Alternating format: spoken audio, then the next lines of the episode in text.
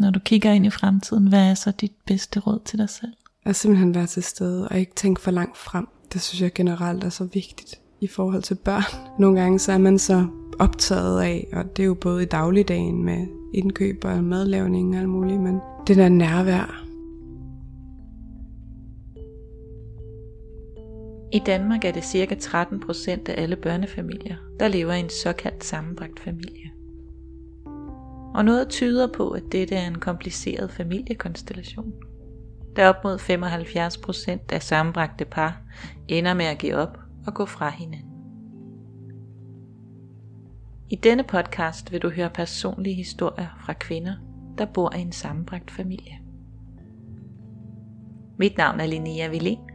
Jeg er musiker og mor til to.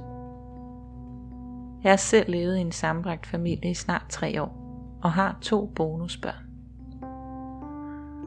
Jeg oplever, at der er et enormt tabu omkring de følelser, jeg som bonusmor kan have over for hele konstellationen og over for de ekstra børn, som er en del af mit parforhold. Mit håb er, at du kan genkende dig selv i disse kvinders historier, og dermed få mindsket følelsen af, at du er forkert, hvis du synes, det er ekstremt svært at navigere i denne familieform. Navne og fakta kan være ændret for ikke at udlevere børn og voksne. I dag skal du møde Iben. Vi har aftalt at mødes i hendes kommende hjem, hvor hun lige om lidt flytter ind med sin fireårige datter. Hvor hun har drømme om at bygge en familie op sammen med sin kæreste, som hun har kendt i et års tid. Hendes kæreste hedder Karl og har to drenge på 5 og 7 år. Huset er smukt og rummeligt med store vinduespartier, og for mig føles det allerede som et hjem, der virker rart at komme i. Iben er 31 år, men allerede sindssygt reflekteret og klar til at tage vare på alle kommende beboers behov. Jeg glæder mig mega meget til, sammen med Iben, at fortælle hendes historie.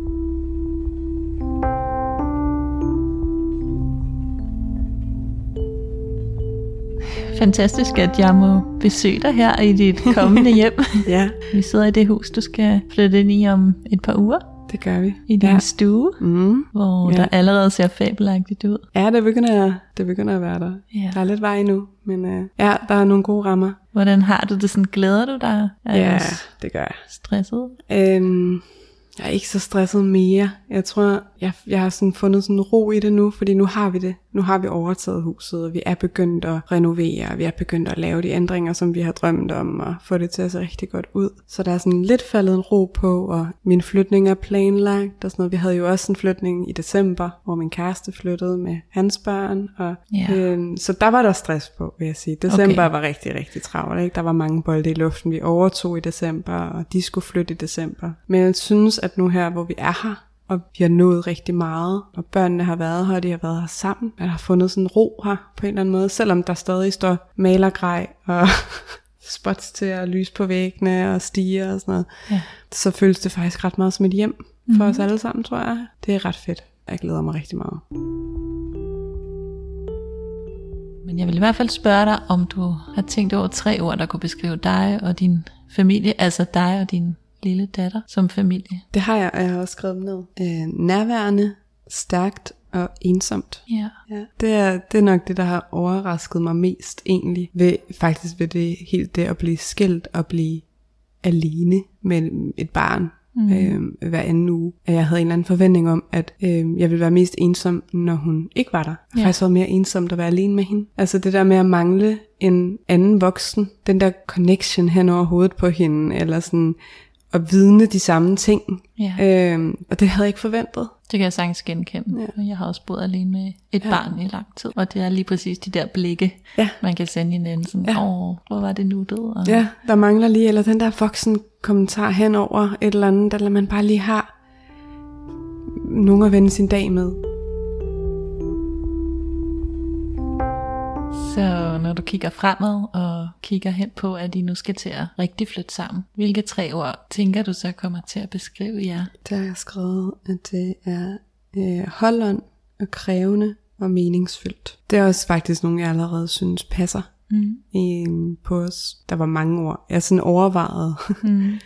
Øhm, men jeg synes, det er rigtig meget den der følelse af at være et hold, sådan en opbakning, at være to voksne også på den måde, om, om, om børnene og være tilgængelige for dem på den måde, og har været virkelig, øh, virkelig, virkelig godt og virkelig rart. Og så er det enormt krævende. Altså det er enormt krævende, og det er meget forpligtende. Det er en enormt stor beslutning at tage på alles vegne og gøre det, vi gør, og sige, nu flytter vi sammen, nu skal vi være en familie, fordi vi har forelsket os i hinanden. Så skal I finde jer i det. Så jeg synes, det forpligter. Altså, det, er sådan, jeg synes, det, det kræver, at man stræber sig på at gøre det så godt som overhovedet muligt. Det er vigtigt for mig i hvert fald. Jeg spørger Iben, om ambitionerne kun ligger hos hende, eller om det er noget, hende og hendes kæreste Karl er enige om. Det er noget, vi er enige om. Ja. Det er noget, vi snakker meget om. Ja. Det har vi snakket om fra start af, vi mødte hinanden. Vi begge to var meget ambitiøse omkring vores familie, og allerede dengang, da vi mødte hinanden, snakkede vi om vores familie, som, som mm. os fem faktisk. Og vi har nok et meget højt ambitionsniveau i forhold til at få det til at fungere, at det, mm. det her, det skal vi være rigtig gode til. Jeg synes altid, det er så spændende at ligesom høre historien om, hvordan I møder hinanden. Har du lyst til at fortælle den Ja. historie? Det vil jeg gerne. Jamen, vi møder hinanden for kun et år siden, faktisk. Øhm, det er lige godt at være et år siden, at min kæreste skriver til mig på Tinder. Og på det tidspunkt er jeg forholdsvis øh, nyligt fraskilt. Det bliver jeg i sensommeren. Og har ikke nogen som helst planer for, at jeg skal have en kæreste. Jeg havde ikke tænkt, at jeg skulle have nødvendigvis noget mere familieliv på det tidspunkt. Jeg var egentlig lige landet rigtig godt alene øhm, som mor, og jeg synes, vi havde styr på det, mig og min datter, og det fungerede. Øhm, så jeg var egentlig ikke på den måde på jagt efter en kæreste. Men så skriver han til mig, jeg ved ikke, om man kan...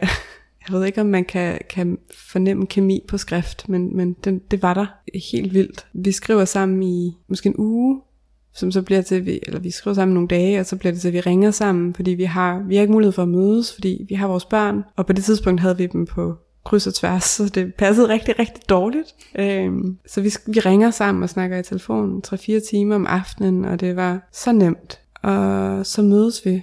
Så går der, der er gået en, en lidt over en uge, så mødes vi. Så sker der et eller andet med min kærestes forældre tilfældigvis lige kan passe og så er han den, der er kørt ud til mig, og jeg havde ikke min, min datter på det tidspunkt. Mm. Øhm, og så mødes vi, og så og jeg kommer han ind ad døren hjemme med mig, og så var det sådan lidt, det var der bare. Altså sådan, der var bare sådan en, det var så nemt. Det var ligesom, at, sådan, det var lige så nemt som at trække vejret.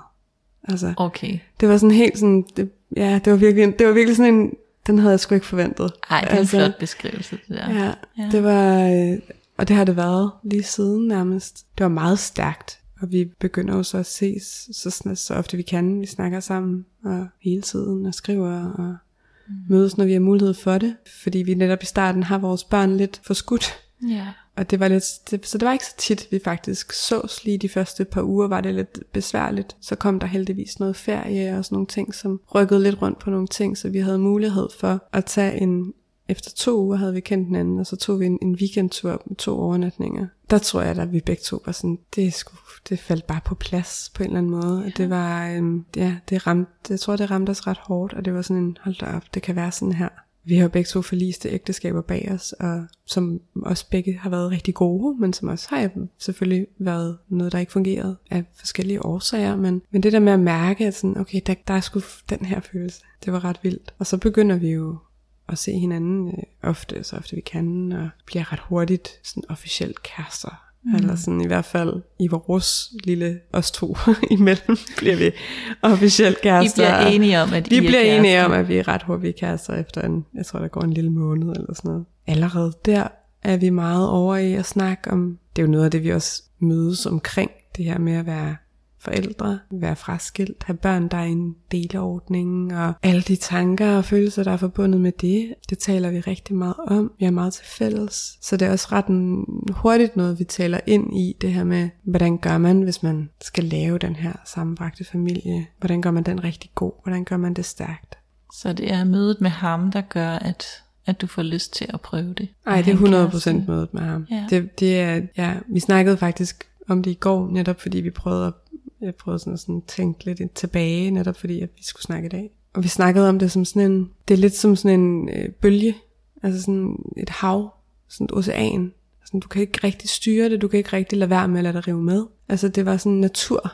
Det var ikke noget, du kunne sige nej, nej til, kan man det sige. var det ikke. Nej. Og der var ingen forbehold. Det var ret, øh, det var ret, ja, det var, det var i hvert fald usædvanligt for mig at prøve. Altså sådan den der med bare at kaste sig ind i noget på den måde, og intuitivt egentlig, der også stole på, at det jeg mærkede var godt, og det var så trygt.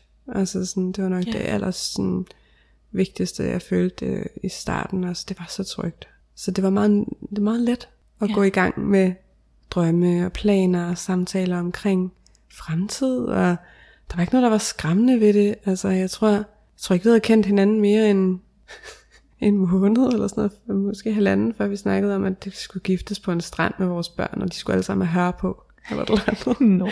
Altså sådan det, det, det var ikke det var det var ikke forseret eller det, var- det var ikke akavet, det var sådan det selvfølgelig skal vi det. I havde det bare på samme måde, Ja. på samme Ja, det tidspunkt. havde vi der, ja. Og så begynder vi jo at, at, at netop at, at snakke omkring det her med, med vores børn, og hvordan gør man? Altså sådan, mm. det her med, at min kæreste har været fraskilt i en del flere år end jeg, så han havde prøvet det før med kærester, der skulle møde børn, og så videre, Okay. eller øh, børnene, der skulle møde en kæreste, og jeg var lidt mere sådan, uh, det skal jeg lige, hvordan gør man det? Og jeg undersøgte det rigtig meget, Okay. øhm, og læst alt muligt, og forhørt mig på kryds og tværs. Og i sidste ende, den dag han møder min datter første gang, der er det sådan helt spontant. Altså det var slet ikke jeg havde alle mulige idéer op i mit hoved, og så sidder jeg på arbejde og skriver, når man, jeg skal hente hende nu her. Og så tror jeg, jeg kan ikke huske, om det var ham eller jeg, der så skrev, øhm, skal, skal jeg tage med, eller skal du tage med? Og så var det sådan, ja, men okay. Og så tog han egentlig bare med op og hentede hende. Og på det tidspunkt var han bare øh, en af mine venner, eller en, der var med, og vi skulle ud og have en is og på legeplads, og så kørte han hjem igen. Men det tog simpelthen noget af dramaet og nervøsiteten ud, fordi det var sådan, det blev så simpelt Mm. egentlig, og det var faktisk slet ikke farligt. Det var meget, igen, meget trygt, og, og hun var helt vild med ham, så det var jo også rigtig dejligt. Mm. Og han var helt vild med hende, og jeg var helt vild med dem begge to, så, så det var rigtig godt. Ja. Øhm, Kan du huske, hvor lang tid der er gået her? i, øhm, det har været i maj måned, så der er gået måske knap fire måneder inden i forholdet, vil jeg gætte på. Så jeg har alligevel været lidt tilbageholdende. Ja, vi har også, øhm, jeg har jo en eksmand, som også har mødt en ny kæreste. Mm. Og de var begyndt at introducere hende, og det gjorde jeg lidt holdt igen. Eller vi gjorde holdt Ja. igen, og det var vi sådan set enige om, at en af, en af gangen, fordi så travlt havde vi heller ikke. Altså, der er ingen tvivl om, at vi rigtig gerne ville møde hinandens børn og være en del af det liv også. Men jeg tror, vi holdt lidt igen netop for, at hun ikke skulle blive øh, helt overbelastet af alle de indtryk og flytninger og alt muligt, som, som hun jo også har været udsat for. Så det var sådan første gang, han møder min, øh, min datter. Havde du mødt hans børn der? Nej, det havde jeg ikke. Og jeg tror, de vidste, jeg eksisterede. De havde en helt anden, øh, de havde en helt anden øh, forståelse for det. De er noget ældre jo, er meget mere opmærksomme på den, den slags. Så de havde jo spurgt os, min kæreste, flere gange, om havde han ikke en kæreste.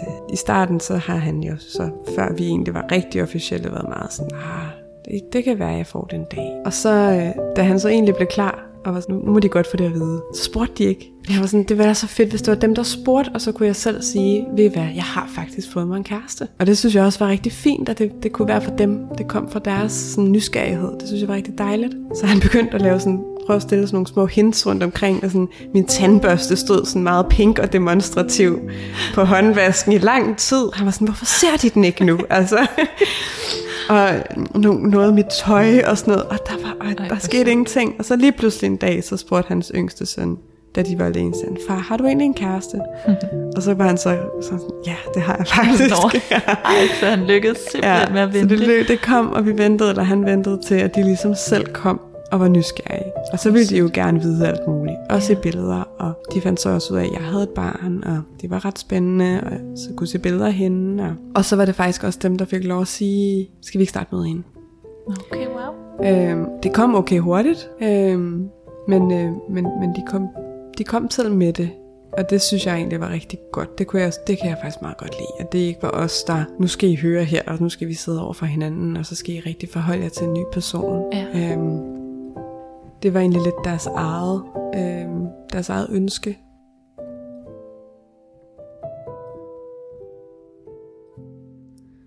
Den første gang Iben skal møde sin kærestes børn, bliver sjovt nok også den første gang deres børn møder hinanden. Iben kører ud til sin kæreste i bus med sin datter på fire år, hvor hun fortæller hende, at de skal ud og hygge med Karl og hans to drenge, og så skal de hjem igen. Her fortæller Iben mig, at hun har skrevet nogle linjer om dette første møde, som står så smukt og skarpt i hendes hukommelse.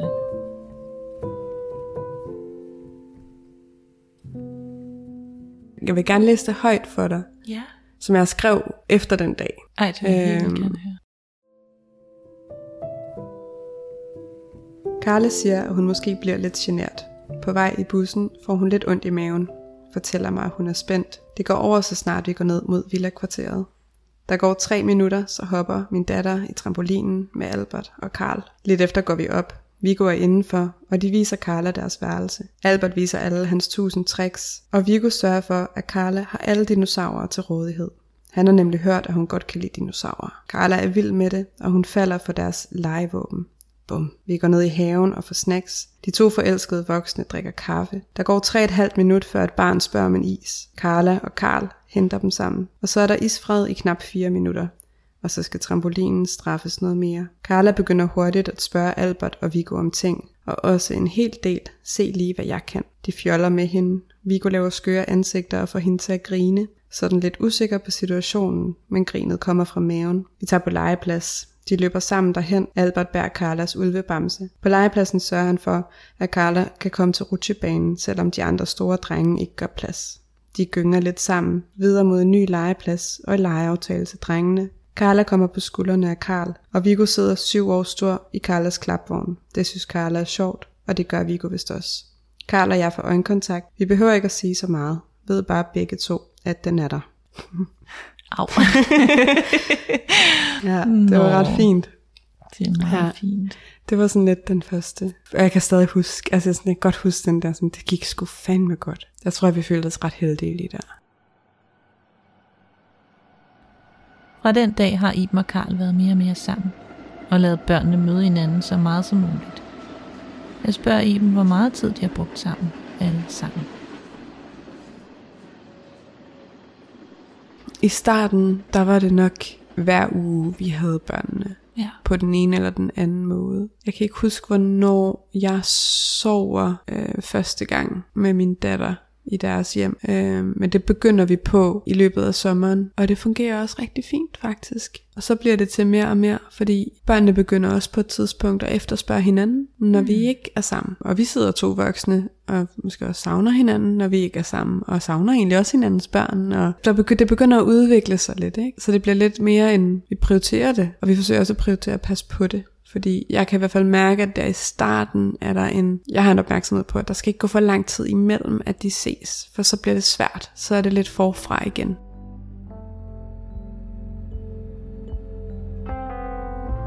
Iben og Karl tager kufferter og deres børn under armen og tager fem dage i sommerhus. Iben fortæller, at det var nogle fine dage, men også krævende.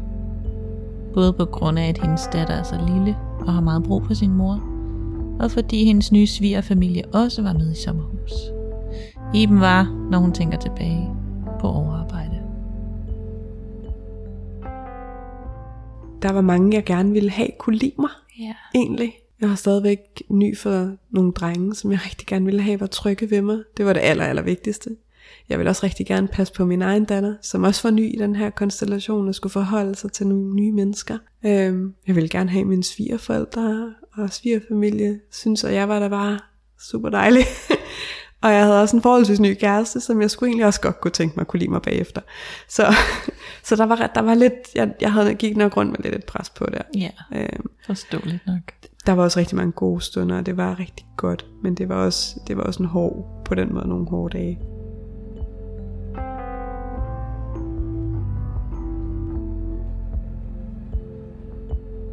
Og der kommer egentlig lidt ro på i løbet af efteråret. Det er faktisk der, det ligesom, det lander. Det er som om, der sker et eller andet omkring september. Det er også der, vi køber det her hus. Mm. Og vi har en tur til Berlin med alle børnene i efteråret, i oktober, som var helt genial.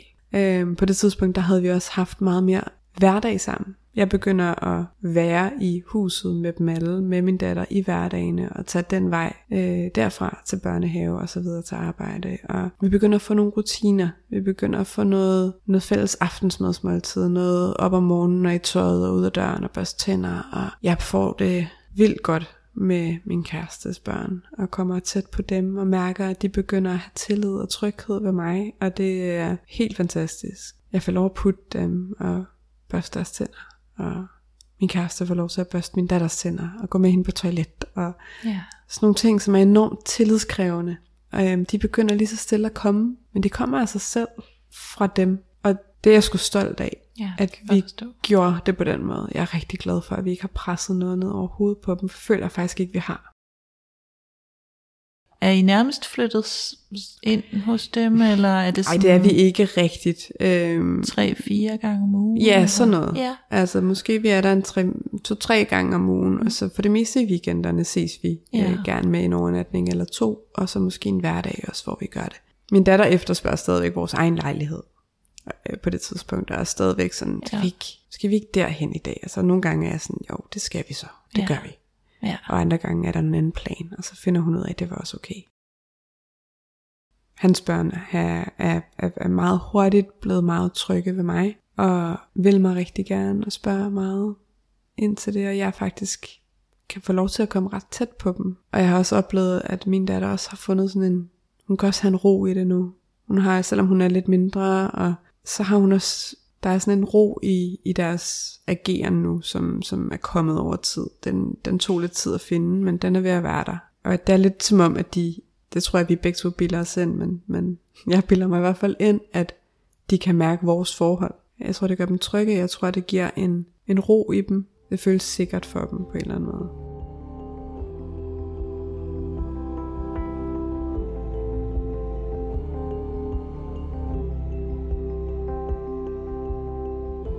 Og så, ja, så køber vi jo huset her og begynder at planlægge, hvordan det skal være. Og at vi skal, nu skal vi bo rigtig sammen og have vores fælles hjem. For det har heller ikke været uden problemer at bo to steder for mig, Nej. for min datter tre. Og nogle uger har hun også været ved bedsteforældre, og, og jeg godt, kan godt mærke, at det har jeg også haft dårlig samvittighed over. Ja. Øhm, og jeg glæder mig rigtig meget til, at hun får en base og et, et stabilt hjem. Når hun Ja. i forvejen er delebarn, så synes jeg, at det, for, det fortjener de. Det har også været hårdt øhm, for mig. Altså det der med at rejse frem og tilbage. Ikke rigtig føle, jeg havde det hjem, faktisk. Fordi jeg, jeg boede lidt to steder, og havde 75% af mine ting det ene sted, og så havde jeg en masse ting det andet sted, og min datters ting blandet to steder, og gud, hvor har jeg synes, det har været hårdt. Ja. Den her rejsen frem og tilbage. Nu når du kigger tilbage. Så og- tænker jeg bare, det er jo det, hun gør hver uge. Ja. Det kan jeg godt få lidt ondt i maven over. Ja, øhm, så hun fortjener virkelig nu at få lov til at få et hjem, når hun er med mig, og ikke to. Og det glæder jeg mig virkelig meget til at give hende. Så det har været rigtig fint, rigtig flot og smukt, og vi har gjort det rigtig godt. Det har også været rigtig hårdt. Ja, men det lyder ikke som om, at det er sådan selve mødet imellem jer og jeres børn, der mm. har været hårdt. Det har mere været om de praktiske omstændigheder. Det har det været.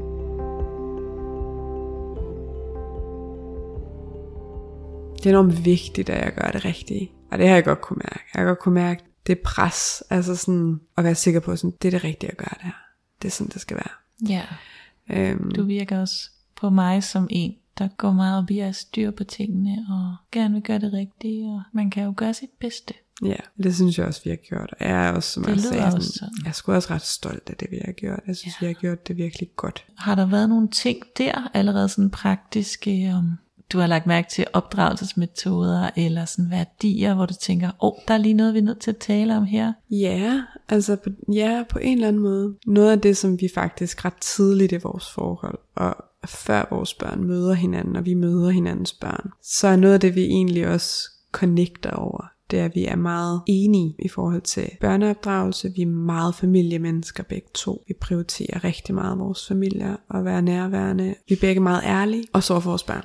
Ja. Og vores kommunikation med, med dem er også meget åben. Så der har ikke på den måde været store ting, som jeg synes har været problematiske, hvor jeg tænker, gud, det vil jeg aldrig gøre, eller det skal vi snakke om, at sådan synes jeg ikke, det skal være, når vi er sammen. Eller... Men der har været små ting, som jeg har kun, vi har snakket om, som er kommet af, at der er en aldersforskel. Der har været noget i forhold til noget skærmtid, som vi har jo skulle på en eller anden måde finde en balance i. Det er med ikke nemt. Altså når der er nogle store drenge, som er vant til det ene, og en pige på 2,5-3, som skal finde noget andet, og forstå det på en anden måde. Det er virkelig svært at finde en balance i det. Og hvorfor må de, og hvorfor må hun ikke, og omvendt. Øhm, så sådan nogle ting har der været, har der været en del af. Øhm, Ja. Heldigvis synes jeg, at vi har været enige om de store træk. Ja. Vi har også snakket meget om det, og det har været en dialog, vi har har og ha- har stadig øh, i gang ofte. Det er vigtigt for os, tror jeg, mm. at vi er et team. Så tror jeg også, vi har været to forældre, som har været, jeg hader sådan udtryk curlingforældre, men mm. vi har nok givet vores børn rigtig meget det, de ville have. Ja. Ikke øhm, forkælet. Vi har været ekstremt til rådighed for dem. Begge to. Og jeg kunne forestille mig, at det er noget, som der er mange forældre, der bliver fraskilt, kan genkende. Ja. At når du har dine børn på halv tid, når du så har dem, så har man dem bare, og så er det bare det, det handler om, fordi nu har du ventet en uge. Så det har været rigtig meget deres behov.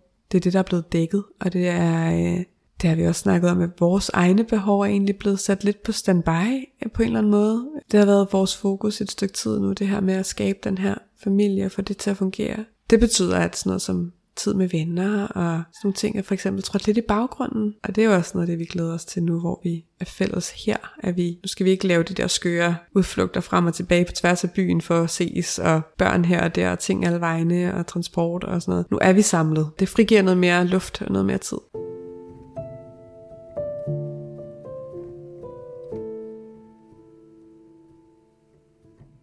I en gammel artikel fra 2015 fra Alt for Damerne fandt jeg en kort guide til, hvordan man bedst ruster børnene til den sammenbrægte familie. Her giver fire eksperter deres bud på de samme fire spørgsmål. Jeg har valgt et ud af de fire spørgsmål, så det ikke bliver alt for langt. Og resten af artiklen kan du finde på alt.dk. Søg på sammenbragt familie, sådan gør I det bedst for børnene. Eksperterne er Bente Boserup, Sofie Stage, Camilla Semlov og René Toft Simonsen. Og spørgsmålet lyder sådan her. Hvad gør man, når barnet savner mor, når det er hos far, og omvendt? Bente Bosorup siger, det kan være en god idé at lade barnet ringe til den anden forælder. Nogle børn savner dog i dagevis, og så hjælper det ikke at blive ved med at ringe. Så bør man se på, om den deleordning, man har valgt, er til barnets bedste. Det er afgørende, at begge forældre giver plads til, at barnet savner den anden. Så kan børn godt håndtere at savne. Sofie Stage siger, man kan sige til sit barn, at det er okay at savne. Lad barnet ringe og sige godnat, hvis der er behov for det.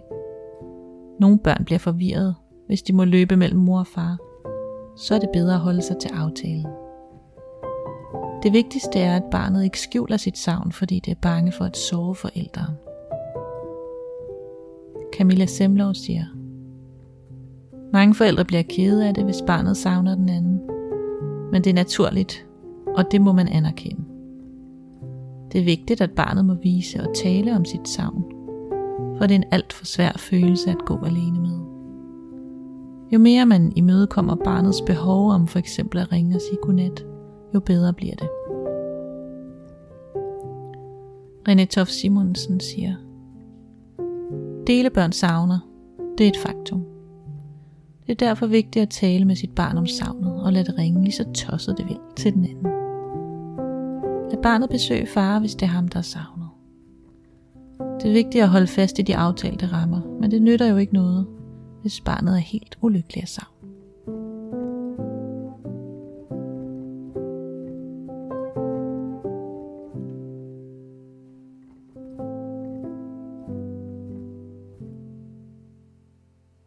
To ting, som adskiller det fra kernefamilien. Det ene, det er det behov. Altså, der er så mange behov Mm. fra alle sider. Forventninger Ja.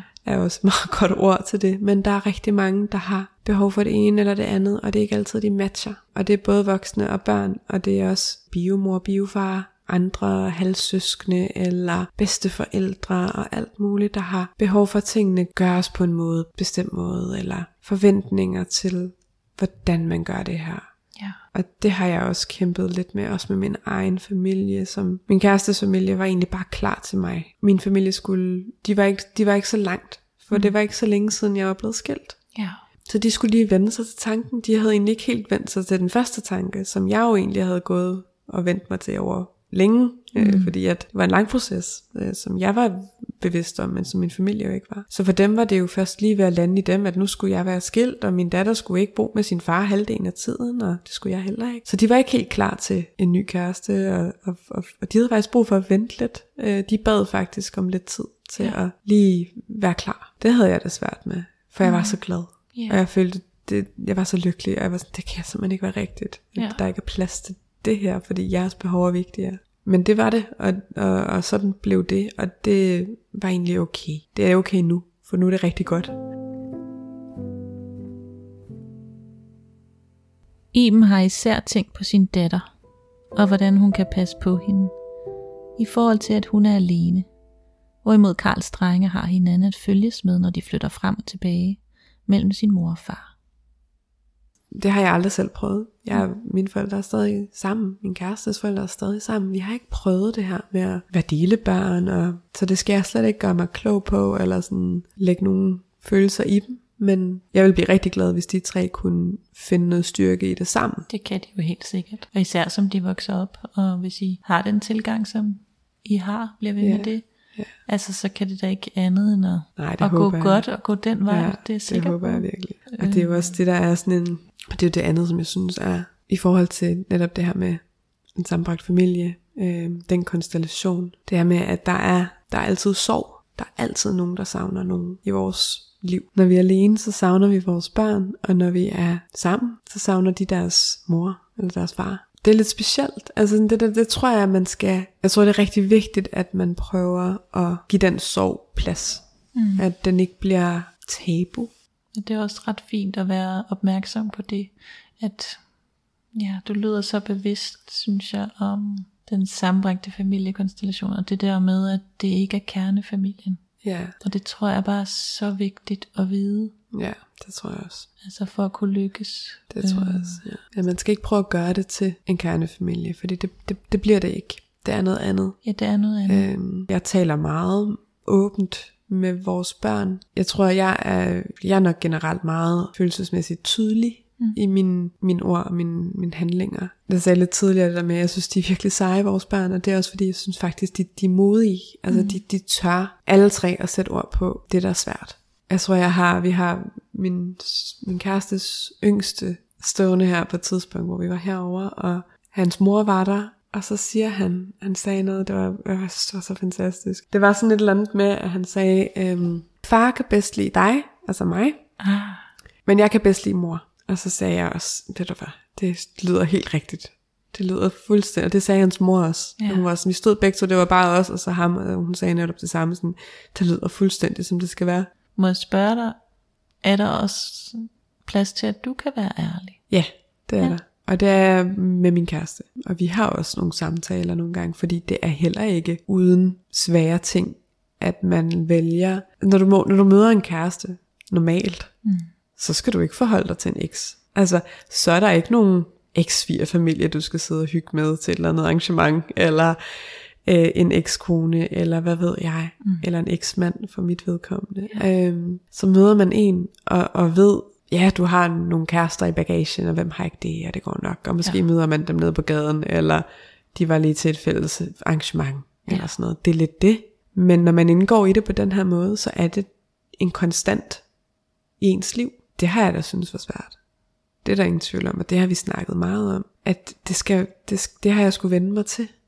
Hvordan er du kommet frem til, at det føles trygt? Altså er det ved at snakke om det med din kæreste? Det er ved at snakke med min kæreste om det. Det er også ved at lære børnenes mor lidt mere at kende, faktisk. Ja. Og det, det, det tror jeg har været rigtig rart for mig. Mm. Altså sådan at finde ud af, hvem er hun? Jeg faktisk virkelig godt lide hende. Det er ret dejligt. Så hun er også god til at tage imod dig på en måde? Hun har været rigtig god til at tage imod mig. Så, så det, er, det er jo specielt. Det har helt klart været noget, jeg skulle vende mig til. At, øh, at det også er en del af det. Det er jo hele tiden vidst. Jo, Men jo. det betyder det er ikke, at... det samme nej, som det er at, at kunne mærke, hvordan det føles. Nej, det er det. Og Nå. det er lidt specielt. Ja. Øhm, men, øh, men det begynder at være være rart. Har du mange i din omgangskreds, som bor i en sammenbragt familie? Øh, nej, det har jeg ikke. Har du jeg har? Jeg har en, ja. Ja. Jeg har en, øh, en veninde, som, som også er en sammenbragt familie, og øh, hende har jeg faktisk også brugt en del Ja. øh, til at spare om, omkring det her, og ja. talt med omkring de ting, der er svære, og Ja. hvordan og hvorledes man agerer og føler. Og det har også været lidt et frirum en gang imellem at kunne sige øh, meget ærligt der, måske endda allermest ærligt. Ikke? Jo. Øh, der er nogle ting, som man nok kun forstår, når man er i det. Hvad er det bedste råd, din veninde har givet dig? Øhm, ja, man tænke. Det tror jeg er bare at skrue ned for forventningerne, faktisk. Wow, det er et godt råd. Øh, det er nemlig et rigtig godt råd. Ja. Det er faktisk et rigtig godt råd. Har du fået sådan velmenende råd fra andre, som ikke aner, hvad de taler om? Er masser. masser. Jamen masser, både især fra familie og sådan noget. Åh, oh. ja. Altså det er jo også, og det er jo i bedste mening. Ja. Men for eksempel sådan noget som er mine forældre, der har levet sammen siden de var 18, jo også har haft holdninger til, hvordan de synes, det skulle foregå i forhold til min datter og hendes hverdag. Og det har jo klart, at det har været deres fokus. Hvordan trives hun i det? Hvordan passer du på hende? Gør I det for hurtigt? Skulle I ikke gøre det lidt langsommere? Mm. Og jeg har også været nødt til at sige, vi har styr på det, og vi gør det så godt vi overhovedet kan. Altid. Og der har jeg også måttet være lidt kontant nogle gange og sige, jeg har ikke altid brug for jeres mening. Og hvad med fremtiden? Ønsker I jer flere børn? Øhm, ja, det gør vi. Det tror jeg godt, vi gider. Mm. ja, det vil vi gerne. Hvilket også bliver jo helt vildt. Men øh, det tror jeg, det vil vi gerne. Vi vil gerne have sådan en sløjfe på det hele på en eller anden måde. Og nu har I i hvert fald skabt rammerne til. Nu har vi Der er gode plads rammer. til det. Der er plads til det. Mm. Ja, det er der. Det er dejligt. dejligt. Når du kigger ind i fremtiden, hvad er så dit bedste råd til dig selv? At simpelthen være til stede og ikke tænke for langt frem. Det synes jeg generelt er så vigtigt i forhold til børn. Nogle gange så er man så optaget af, og det er jo både i dagligdagen med indkøb og madlavning og alt muligt, men det der nærvær. Og når jeg tænker i forhold til vores familie og det vi gerne vil, og vi har mange drømme, vi har mange ting, vi håber, vi kan lade sig gøre, altså kan lade sig gøre for os som familie, og rejser og alle mulige ting, oplevelser, børn, flere børn, hvad skal vi gøre, og alt det ting. Og der vil jeg bare rigtig gerne håbe, at jeg husker at være til stede i det, vi er i også. Tusind tak. Selv tak.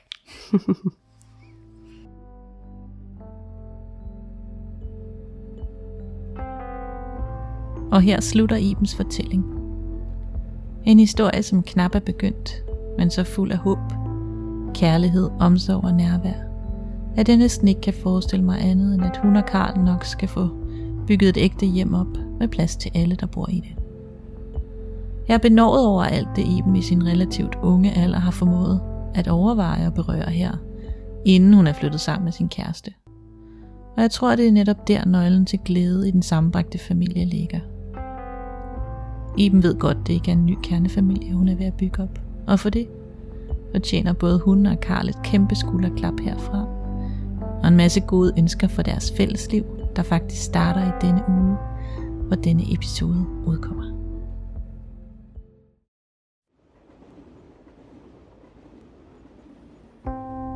Du har lyttet til podcasten Kombimor.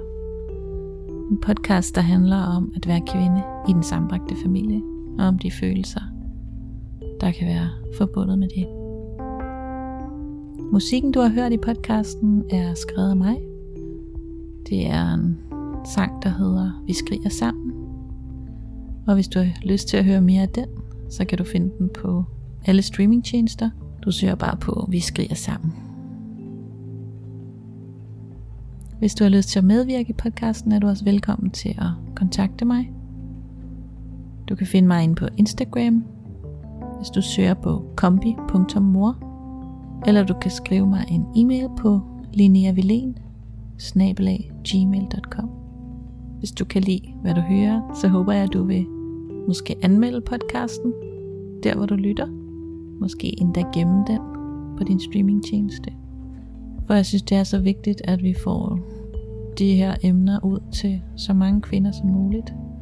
Så vi kan finde ud af, at vi ikke er forkerte med de følelser og komplekse problemstillinger, vi står med i den her familiekonstellation.